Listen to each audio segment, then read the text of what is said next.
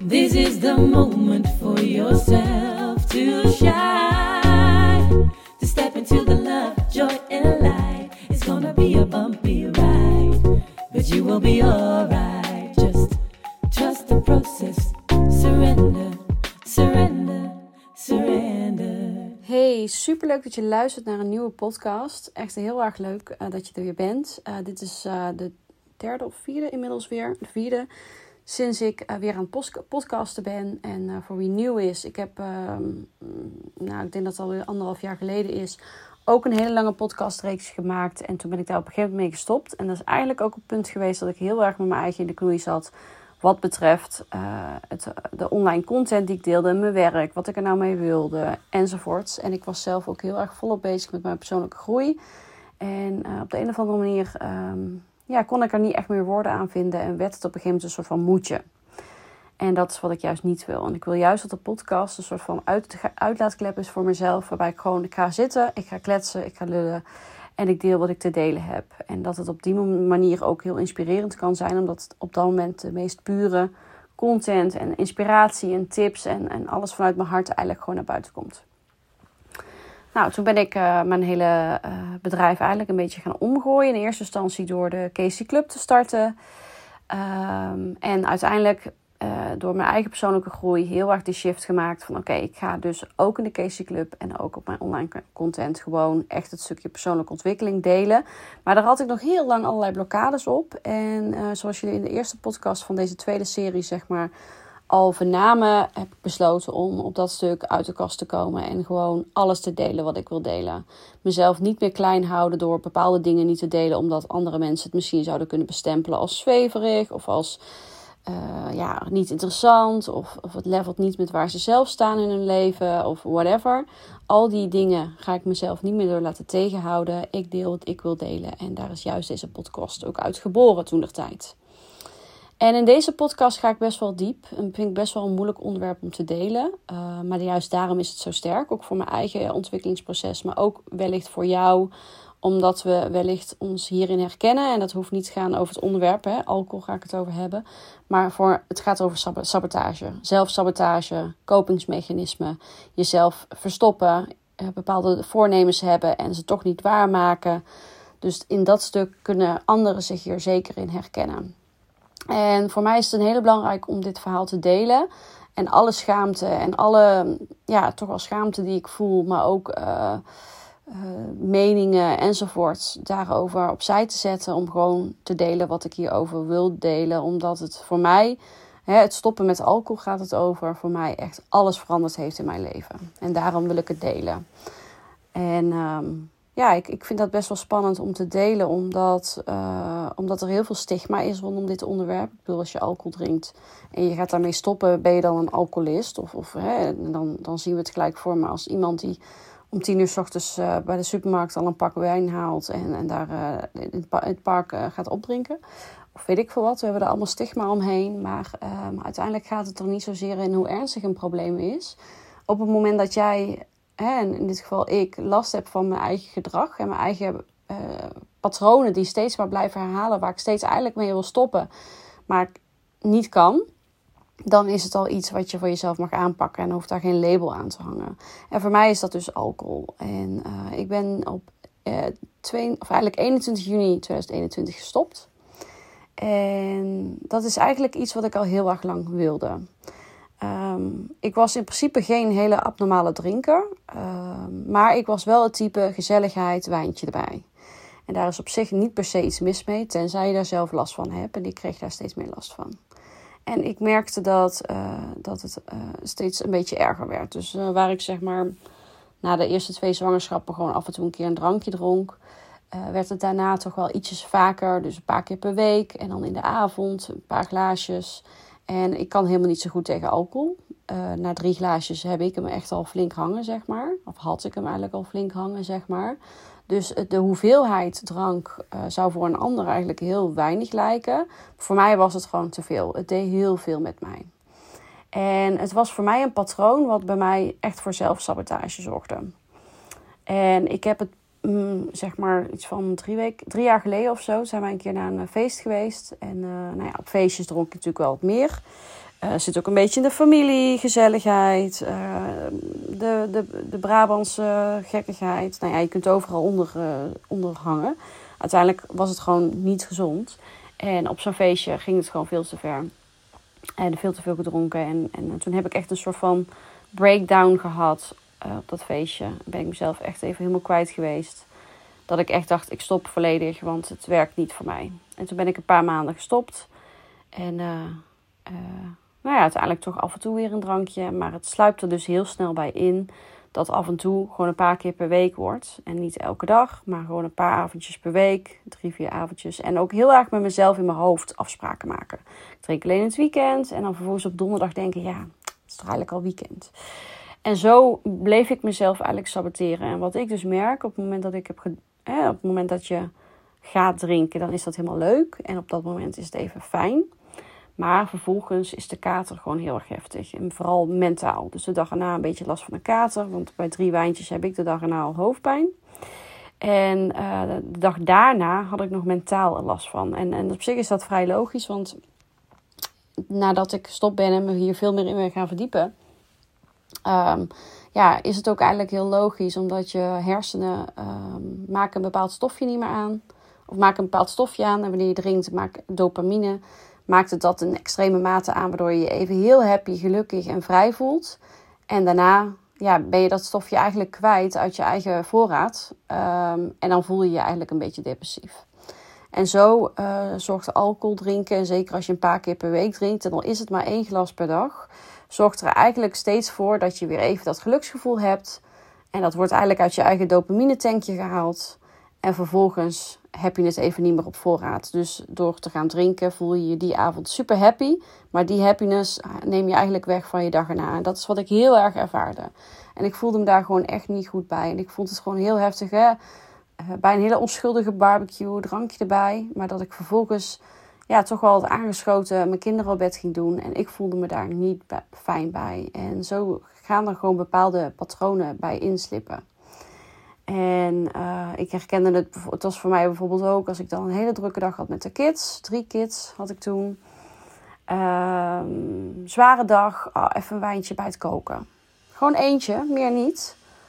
Maar uh, toch vond ik dat een gewoonte die ik wilde doorbreken. Want ik wilde niet meer dat, dat geluksgevoel uit dat glas moeten halen. Ik wilde dat uit mezelf kunnen halen. En ik merkte gewoon dat ik dan ook een ongeduldige moeder werd. En dat het voor mij mentaal heel erg maakte dat ik veel ongeduldiger in het leven ging staan. En ook steeds meer ging uitkijken naar die momenten dat er weer een wijntje gedronken mocht worden. En um, ja, zo hakte er eigenlijk steeds meer een patroon in waarbij het toch steeds een beetje heftiger wordt. Um, dus, dat je, dus dat ik bijvoorbeeld door de week af en toe een keer één of twee glaasjes dronk, maar in het weekend echt wel een keer een stuk meer. En dan de dag erna me vreselijk voelde en dacht, ja, dit wil ik niet meer. Ik uh, de week uh, niet drinken. En vervolgens was het de week erop en dan ben je dat weer vergeten en, en ging het weer aan de gang. En ik heb in de afgelopen ja, paar jaar natuurlijk wat zwangerschappen gehad. En zeker na de zwangerschap van Feline, na een jaar ongeveer heb ik die burn-out gehad. Um, ja, voor mij was het geen goede combinatie om daar ook af en toe bij te drinken. Want op het moment dat je af en toe wat dat depressievere of meer down gevoelens hebt. en je gaat eigenlijk ook nog middelen gebruiken, in dit geval alcohol. dan uh, gaat dat eigenlijk nog meer uit balans. En wordt het nog lastiger om die geluksgevoelens gewoon uit het leven te halen. in plaats van uit, uit, een, uit een middel, in dit geval een drankje.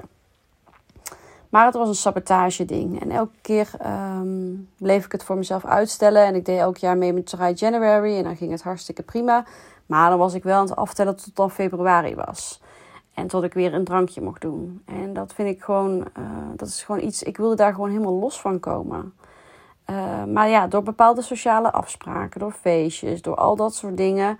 Ja, dacht ik toch dat het de keuze maken om te stoppen heel lastig zou zijn. En uh, ik was gewoon heel erg benieuwd wat, hoe het zou voelen om een lange tijd niet te drinken. En niet omdat je zwanger bent. Hè, ik bedoel, ik heb alle zwangerschappen niet gedronken. Maar echt omdat je dat zelf heel graag wil. En omdat je heel erg voelt dat het middel je meer ellende geeft, als het ware, dan geluksgevoelens. En ik wist ook wel in mijn hele persoonlijke ontwikkelingsreis, op het moment dat ik stop met alcohol. Uh, en alcohol staat voor mij dan echt bekend als een heel groot sabotagemiddel, waarin ik mezelf steeds weer beloftes deed die ik niet nakwam voor mezelf. Ik stelde doelen om ermee te stoppen en ik deed het toch. Ah, nog maar, ik doe maar één glaasje vanavond en dan werden het er toch drie. Dat, dat was een soort sabotagecirkel die ik mezelf bleef uh, in stand houden. Waardoor ik ook steeds net niet verder kwam in mijn persoonlijke ontwikkeling. Um, waardoor ik net niet bij mezelf kwam. En dat is op zich best wel logisch, want wat alcohol doet, is dat het natuurlijk gevoelens dempt. Uh, en natuurlijk, je ervaart dan heel even geluksgevoelens, maar vervolgens, um, ja, vooral ook uh, dempt het je, je minder fijne gevoelens. Wat op dat moment even fijn is, dus dan heb je het gevoel dat je een soort geluksgevoel ervaart. Maar vervolgens komt dat natuurlijk allemaal terug. Uh, dus bepaalde dingen die ik nog te verwerken had, bepaalde dingen die ik nog te helen had in mezelf, ik kwam steeds niet tot die laag toe, omdat, omdat je dat eigenlijk steeds dempt. En dat, dat, is dan, uh, dat valt dan bijna niet op. Maar op het moment dat je na een hele drukke dag denkt: Oh, ik moet echt dat wijntje hebben, ik heb het echt verdiend. Ja, dat is eigenlijk al het dempen van een bepaald gevoel van die dag. En dat is wat ik deed. Of bijvoorbeeld uh, een hele zware dag met de kids. Ze liggen eindelijk op bed, eindelijk op de bank met dat wijntje. En op zich um, is het niet gek om als moeder hè, het moederschap soms zwaar te, maken, te voelen. Maar om dat vervolgens te dempen, daarmee maak je het niet makkelijker. En de kater die de dag erna kwam, maakte me eigenlijk dat het die dag weer een zware dag was, als het ware. En dat is gewoon wat ik niet meer wilde. En um, voor mij was het gewoon iets van: oké, als ik ook dit patroon van mezelf kan loslaten, dan ben ik helemaal vrij van sabotage. Want dat was mijn laatste sabotagemiddel. En misschien heb jij het wel op hele andere vlakken en daarom wil ik het ook delen. Misschien ben jij echt een binge-eater. Ben jij het type, oh het is echt een zware dag uh, geweest. Oh nu heb ik echt uh, chips en ijs verdiend. Of, oh um, uh, ik, ja, je bent heel de week heel streng voor jezelf geweest qua eten. Ja, nu heb je echt wel wat, wat snacks of junkfood verdiend. En dan ga je dat vervolgens eten. En op dat moment is dat even leuk. En daarna voel je je weer vies. Of voel je je vol. Voel je je naar. Want jij krijgt er buikpijn van. Uh, uh, je lichaam reageert erop.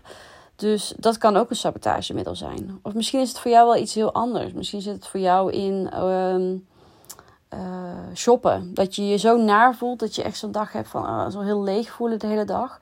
En dat je die avond flink, eh, webshop, uh, flink gaat webshoppen. En dan de komende dag naar die pakketjes binnen. Dan ben je even heel blij. Maar even later liggen die pakketjes ergens door het huis geslingerd. En boeit het je niet meer zo. Dus iedereen heeft zijn eigen sabotagemiddelen. En voor mij was dat dus alcohol. En natuurlijk, ik zeg niet dat ik geen andere sabotagemiddelen echt niet meer heb. Ik bedoel, ik, ik ben heel erg dol op chocolade. En ik kan er echt wel naar uitkijken om s'avonds op de bank even een paar blokjes chocolade te nemen. En dat vind ik op zich ook wel prima. Maar ik hou het wel bij die paar blokjes en meer is er ook niet nodig. Dus het is voor mij geen patroon waar ik last van heb. Um, en ik, ik kan inmiddels ook mezelf wel weer uh, makkelijker bij trekken. Dat op het moment dat ik denk, oh ja, nu had ik er toch iets te veel chocolade op. Oh ja, het morgen maar niet doen, weet je wel. Dus ik, ik ben wat dat betreft ook wel heel reflectief. Uh, waardoor ik het bij mezelf door heb. Maar uh, voor mij was dat, dat alcohol drinken was wel echt het, het heftigste sabotagemiddel wat mij tegenhield in mijn groei in mijn groei als ondernemer, in mijn groei als moeder, in mijn groei als mens, in mijn, in mijn gevoelens van geluk. En ook als moeder zijnde vond ik het gewoon heel erg naar. Het idee dat we, Unique en ik deden dan bijvoorbeeld op zaterdagavond, was het dan een borrelavond of met vrienden of samen. En uh, nou ja, samen een flesje wijn drinken. Hè, daar gingen we wel een flesje doorheen samen. Uh, eentje samen. Dus wat dat betreft, uh, misschien dat een ander hier niet van schrikt. Maar goed. Uh, dat ik denk, ja, als er nou iets met de kinderen gebeurt, dan zijn wij allebei flink aangeschoten. Of in ieder geval, uh, ja, toch wel goed beschonken dat je niet meer kan rijden. Ik, ik wil dat helemaal niet. Ik, ik vind het, vond dat een heel naar idee. Maar toch deed ik het. Toch deden wij het. En mijn man is eigenlijk helemaal geen drinker, maar ik liet hem met mij meedrinken als het ware. En dan deed hij ook wel mee. Nou ja, dat klinkt wel heel heftig, maar dat patroon is er daardoor ook bij hem ingeschoten. Alleen voor hem was het heel makkelijk om te stoppen. En ik wist al heel lang van oké, als ik echt met mezelf diep wil gaan, als ik echt uh, al mijn schaduwkanten wil kunnen aankijken, als ik echt wil voelen wat ik te voelen heb, wat ik te doorvoelen heb, ja, dan, dan dien ik hiermee te stoppen. En um, vorig jaar, ik heb, ik heb dus al een paar keer Dry January gedaan. Nou, hè, ik vertelde net al over dat rock bottom moment, zeg maar, bij dat feest. En uh, vorig jaar, uh, toen wilden wij zwanger worden. En um, toen, uh, ja, daar ben ik natuurlijk voor gestopt al wel. Alleen toen dronk ik wel af en toe wat, zolang ik nog niet zwanger was. En toen strak ontdekte dat ik zwanger was, stopte ik natuurlijk wel gelijk. En toen hebben we een miskraam gehad en dat vond ik heel verdrietig. En ook, uh, dus ja, tijdens het zwanger zijn van die miskraam dronk ik natuurlijk niet. Maar vervolgens kwam al dat verdriet van die miskraam. En toen dronk ik weer. En eigenlijk heb ik daardoor uh, dat niet echt een plekje kunnen geven. En om een voorbeeld, eh, niet veel, een paar avonden per week, wat ik al zei. En het gaat helemaal niet om de hoeveelheden overigens. Maar uh, een ander zal dat niet schrikbarend vinden misschien. Maar ik vond dat echt wel heftig. En als ik er nu op terugkijk, nu ik helemaal niet meer drink, vind ik het wel veel hoor. Maar goed, op dat moment dacht ik, ja, het is eigenlijk vrij normaal. Maar nee, ik uh, had bepaalde emoties te verwerken die ik niet verwerkte. Doordat ik, uh, doordat ik op het moment dat het even zwaar was, dacht, oh ja, vanavond lekker een bolavondje, gezellig. Lekker eten en drinken. Maar dat is eigenlijk gewoon het dempen van wat je op dat moment voelt. En uh, het is natuurlijk heel verraderlijk, hè? want er is op zich helemaal niks mis mee om jezelf te verwennen met wat lekkere hapjes, gezelligheid, weet je wel. En als dat is omdat je gewoon je heel lekker in je vel zit en je vindt het leuk om even een gezellige avond te hebben, dan is daar niks mis mee. Maar op het moment dat je bij jezelf realiseert van ja, het is eigenlijk om bepaalde gevoelens weg te stoppen en niet te doorvoelen, ja, dan ben je jezelf eigenlijk aan het aanleren om, om je gevoelens niet te voelen, maar ze weg te stoppen. En dan ga je je proces niet aan. Dan ga je ook je verdriet niet aan. En dan blijf je het eigenlijk alleen maar uitstellen. Want je kunt verdriet niet wegstoppen. Je kunt denken dat je het wegstopt door het even een laadje te stoppen. En weg te drinken of weg te shoppen of weg te eten of weg te, te gokken of wat je ook doet. Um, maar het, het, is niet weg. Het zit nog steeds ergens in een laadje. Pas als je het echt gaat doorvoelen en gaat aankijken, dan komt het pas weer. Dan kun je het pas helen. Dan, kan je het pas, dan gaat het pas oplossen, zeg maar. Um, en daar heb je het eerst voor te doorvoelen. En uh, dat was ook wel echt het besefmoment van: oké, dit is niet oké. En um, toen uh, wilden we natuurlijk uiteindelijk wel weer zwanger worden. Dus toen had ik zoiets van: het is nu het moment om te stoppen. En um, een goede vriendin van mij, waar ik ook regelmatig, regelmatig borrelavondjes mee hadden wat super gezellig is uh, en was natuurlijk. Uh, die uh, vertelde mij dat ze zwanger was. Nou, ik was super blij voor haar. En ik had, die avond zouden we gezellig voetbal gaan kijken. Helemaal leuk. Had hapjes, drankjes gehaald. Helemaal gezellig. En zij vertelde dat ze zwanger was. En ik was super blij voor haar. En tegelijk dacht ik: oké, dit is het moment voor mij om te stoppen. Want uh, het excuus van ja, we hebben nog wat leuke avondjes samen op de planning staan. Gold ook, gelde ook niet meer voor mij natuurlijk. Want uh, ik ga niet in mijn eentje drinken. Ik ben sowieso niet iemand die in er eentje zou drinken. Dat is altijd samen met mijn partner of samen met uh, vrienden. Of als ik uit eten ga met Janiek of met anderen. Maar niet in mijn eentje of zo. Dus dit was het perfecte moment voor mij om te stoppen. En ja, toen ben ik gestopt en... Uh, dat was op het begin best wel een beetje onwennig, omdat je gewoon bepaalde programmering hebt, bepaalde patronen. Zo van, oh ja, als je uit eten gaat, daar hoort een wijntje bij. Oh, je hebt een barbecue, dan hoort er een wijntje bij. We gingen twee weken daarna een weekend weg. En uh, dan gingen we ook lekker uit eten daar. Was in Almere, was echt super leuk. Hebben ze ook hele leuke restaurantjes, hele leuke kaarten. Lekker eten, drinken. Ja, daar hoort dan een drankje bij. Dus al die momenten waar het eigenlijk in mijn patronen bij hoorde ja, had ik een nieuw patroon aan te leren. En dat is gewoon een ander drankje kiezen. Gewoon een uh, rivellaatje of een theetje of eh, iets anders. En dat voelde op het begin heel onwennig. En toen kwam natuurlijk de eerste keer op vakantie zonder alcohol. En toen kwam... En voor mij is vakantie, en zeker Frankrijk, staat voor mij echt helemaal om de wijn. En apero-tijd, aperitieftijd rond een uur of 4, 5. drankje erbij, hapjes erbij. Ja, dat deden we nu ook. Maar dan uh, lekkere chipjes en hapjes erbij. Maar dan een, een, een 0.0'tje. En of een 0.0, uh, eh, zo'n radlertje of, uh, of gewoon een frisje. Maakt niet uit. Maar gewoon hetzelfde patroon wel blijven doen. Maar niet met alcohol. En nou ja, dan, vervolgens raakte ik eigenlijk vrij snel zwanger. En je zou denken van... Oh ja, maar ja, weet je, een jaar alcoholvrij, daarvoor was je acht maanden zwanger. Maar voor mij en dat is ook logisch, want ik was sowieso nooit gaan drinken in de zwangerschap. Maar voor mij was het nu ook echt van: oké, ik, ik, drink natuurlijk niet in de zwangerschap, maar ik drink gewoon sowieso niet meer. En bij de andere zwangerschappen was ik toch wel aan het aftellen tot ik toch uiteindelijk wel weer dat wijntje kon gaan drinken als ik bevallen zou zijn. En nu had ik besloten dat ik dat niet meer wilde. Uh, dus ik was daar niet mee bezig, zeg maar. En uh, Uh, nou, dan heb je dus de eerste alcoholvrije kerst. En al die dingen die altijd heel erg eraan gekoppeld zijn. Oud en nieuw natuurlijk, hè, dan moet er ook gedronken worden. En eigenlijk al die dingen die normaal gesproken altijd gekoppeld waren aan een drankje, ging ik nu ervaren zonder. En natuurlijk ook de opmerkingen van anderen. Zo van, uh, oh, uh, oh, drink je niet? Oh, waarom niet? Oh, omdat je borstvoeding heeft, zeggen ze dan nu. Of, oh, en zwangerschap hoefde ik het niet eens uit te leggen. Maar daarvoor en, en nu dus ook daarna heb ik wel het idee dat ik het moet uitleggen soms. Uh, zeker als je met vrienden afspreekt die, die wel een drankje doen. Maar ik ben daar vanaf nu ook gewoon, vanaf nu, sinds ik niet meer zwanger ben en ik weer in sociale situaties ben, ben ik er ook gewoon heel eerlijk in.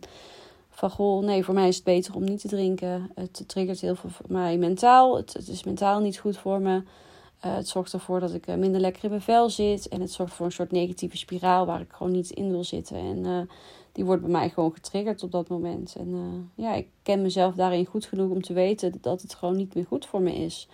Maar al die jaren dat ik het wel gebruikte, ja, dacht ik dat dat prima was. Want ja, andere mensen drinken ook. Uh, op elke televisiecommercial, in elke film. Overal zitten ze aan de cocktails en de cosmopolitans en een drankje. En, en, je hoeft maar een restaurant in te lopen of de wijnkaart ligt voor je neus. Um, op een verjaardag wordt er geproost. Uh, oud en nieuw ook. Um, geproost met alcohol bedoel ik dan natuurlijk. En overal is het te vinden. Ehm, en natuurlijk zijn er ook mensen die er een hele gezonde manier mee om kunnen gaan. Maar voor mij uh, is het gewoon geen goed idee meer. En sinds ik daar dus mee ben gestopt, is er superveel mijn leven veranderd. Ben ik echt diep kunnen gaan in mijn ontwikkeling. Ben ik echt dingen gaan aankijken waarvan ik niet eens wist dat ik ze nog aan te kijken had. Bepaalde emoties, bepaalde ervaringen van vroeger, trauma's, bepaalde uh, ja, dingen die ik heb meegemaakt. Maar ook rondom mijn diabetes. Eigenlijk allerlei gevoelens die ik nog te verwerken had kon ik pas echt gaan verwerken toen ik echt naar het voelen kon gaan. Toen ik echt 100% ging voelen wat ik, wat ik nog te, doorvoelen had. In plaats van wat ik, wat ik onbewust wegstopte en wegdronk. En um, waarom ik het ook lastig vind deze podcast op te nemen, is omdat ik toch ook wel voel, ik kan hier andere mensen mee triggeren. Hè, misschien heb jij ook wel bepaalde struggles rondom, of, of, of struggles, heb je misschien ook wel onbewust last van de drankjes die je drinkt of van de hoeveelheid uh, chips of ijs of weet ik veel waar jij jezelf mee saboteert. Maar we hebben allemaal zo'n knuffelbeer eh, sabotagemiddel die we erbij pakken op het moment dat we ons niet lekker voelen. En als jij daar oké mee bent, is dat prima. Maar voor mij was dat niet meer oké, want het belemmerde in mijn groei, in mijn geluksgevoel. Het belemmerde me in, in, uh, ja, in mijn leven gewoon. Het, het zorgde ervoor dat ik nou ja, zodra ik gedronken had, dan kun je natuurlijk niet meer rijden. Maar je bent, ik kan ook geen boek meer lezen als ik heb gedronken, hè, al is het maar één wijntje. Uh, vervolgens, de dag erna had ik er last van. Dus het, nam best wel veel van mijn tijd in beslag. En um, ik, ik deel dit ook om het taboe te doorbreken. Dat je niet een soort van alcoholist moet zijn die elke, elke dag drinkt en elke ochtend al drinkt of weet ik het wat. Om de keuze te maken ermee te stoppen. Je kunt ook uh, voor jezelf op, op wat voor gedrag dan ook de keuze maken van oké, prima, maar vanaf nu dient dit me niet meer. En zo heb ik dat gedaan. En uh, ik weet ook zeker dat mijn hele spirituele groei uh, ja, echt is mogelijk gemaakt doordat ik nog dieper in mezelf kon gaan. Doordat ik alles ben gaan aankijken. En dat kon door het stoppen met drank. Dat ik s'avonds op de bank zit met een theetje. En wanneer ik dus eigenlijk me niet zo goed voel, ga ik dus nu gewoon naar bed. Als ik moe ben, ga ik gewoon naar bed. En voorheen dacht ik, oh, ik ben een beetje moe, maar goed, een drankje erin, dan ging het wel weer. Ja, maar dat is natuurlijk niet naar je lichaam luisteren. En ook dat is geen zelfliefde voor mij. Voor mij is het geen zelfliefde om, uh, om uh, wanneer ik me niet lekker voel, een middel erin te stoppen wat eigenlijk me alleen maar minder lekker laat voelen. Dat is voor mij eigenlijk alleen maar heel destructief, heel erg uh, ja, verwoestend als het ware.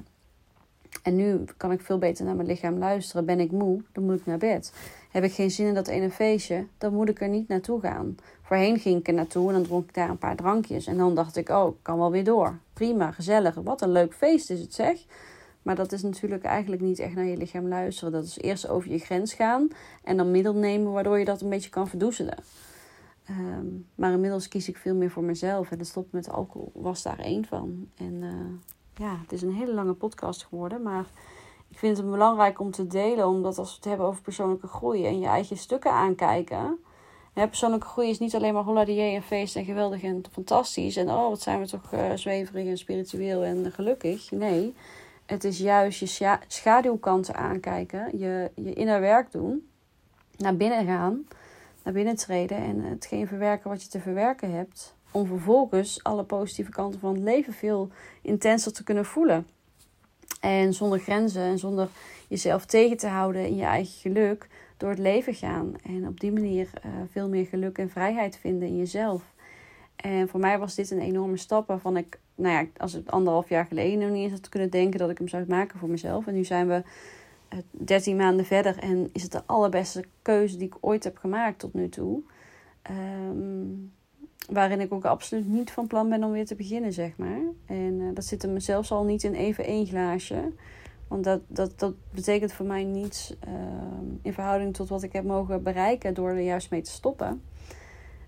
Um, dus ja, dit wilde ik graag met jullie delen. En uh, voor mij is het een hele belangrijke. En ik ben benieuwd als je dit luistert of je je herkent in bepaalde stukken. Het kan over alcohol gaan, maar misschien heb jij dat wel met uh, chocolade of met te veel eten of met overmatig werken of overmatig gokken. Of misschien heb jij andere shoppen, weet ik het wat je hebt. Iedereen, het is helemaal niet zo gek om dit te hebben. Want onze maatschappij vraagt heel veel van ons. Maar op het moment dat je het je toch belemmert, dan is het wel iets om aan te kijken. En uh, zul je merken dat op het moment dat je het kan aankijken en kan shiften, je heel veel groei en geluk gaat ervaren. En uh, ook al lijkt dat aan het begin van de tunnel nog niet zo, aan het eind van die tunnel is er veel meer licht en lucht. En ik vind het een heel bevrijdend idee dat ik altijd uh, mijn kinderen kan wegbrengen als het nodig is. Hè? Als stel we moeten naar het ziekenhuis of weet ik het wat of het idee dat ik altijd uh, helder ben om, uh, om voor mensen om me heen te zijn. Maar ook het idee dat ik altijd helder ben als moeder. Dat, dat kinderen uit mijn glas mogen drinken ieder moment. En dat er, dat er geen alcoholdemping tussen zit. Maar dat ik er gewoon puur kan zijn voor mijn kinderen. En ik voel ook dat ik een betere moeder ben doordat ik niet meer drink. Um, en daar ben ik heel trots op en heel blij mee. En dat is echt onderdeel van mijn reis. En daarom ook een onderwerp wat zeker hier gedeeld mag worden. Dus ik ga hem afsluiten. Ik ben benieuwd wat jullie ervan vonden. Uh, vooral naar je eigen ervaringen, je eigen triggers. Misschien triggert het je enorm op bepaalde vlakken. Dat kan. Laat dat even bezinken. Uh, stuur me een DM als je er iets over wilt delen. Het mag altijd. Eén account wat mij enorm heeft geholpen in dit proces is Sober in Life. Nee, zo heet ze niet meer. Ze heet nu So Life Club. Uh, en zij uh, staat er heel erg voor om een alcoholvrij leven heel leuk te maken. Dus ook juist niet voor de alcoholisten die ja, toch wel echt diepere hulp nodig hebben. Maar gewoon de, de vrouw zoals jij en ik. Die gewoon prima functioneren, een prima leven leiden. Maar ja, willen stoppen met alcohol. Dus die heeft mij wel heel erg geïnspireerd hierin. Dus mocht je hier zelf ook ja, iets mee willen voor jezelf, volg haar dan. Dat is echt wel een tip. Um, en ik ben volgende keer weer bij jullie met een nieuwe aflevering van deze podcast. Dankjewel voor het luisteren. Doei!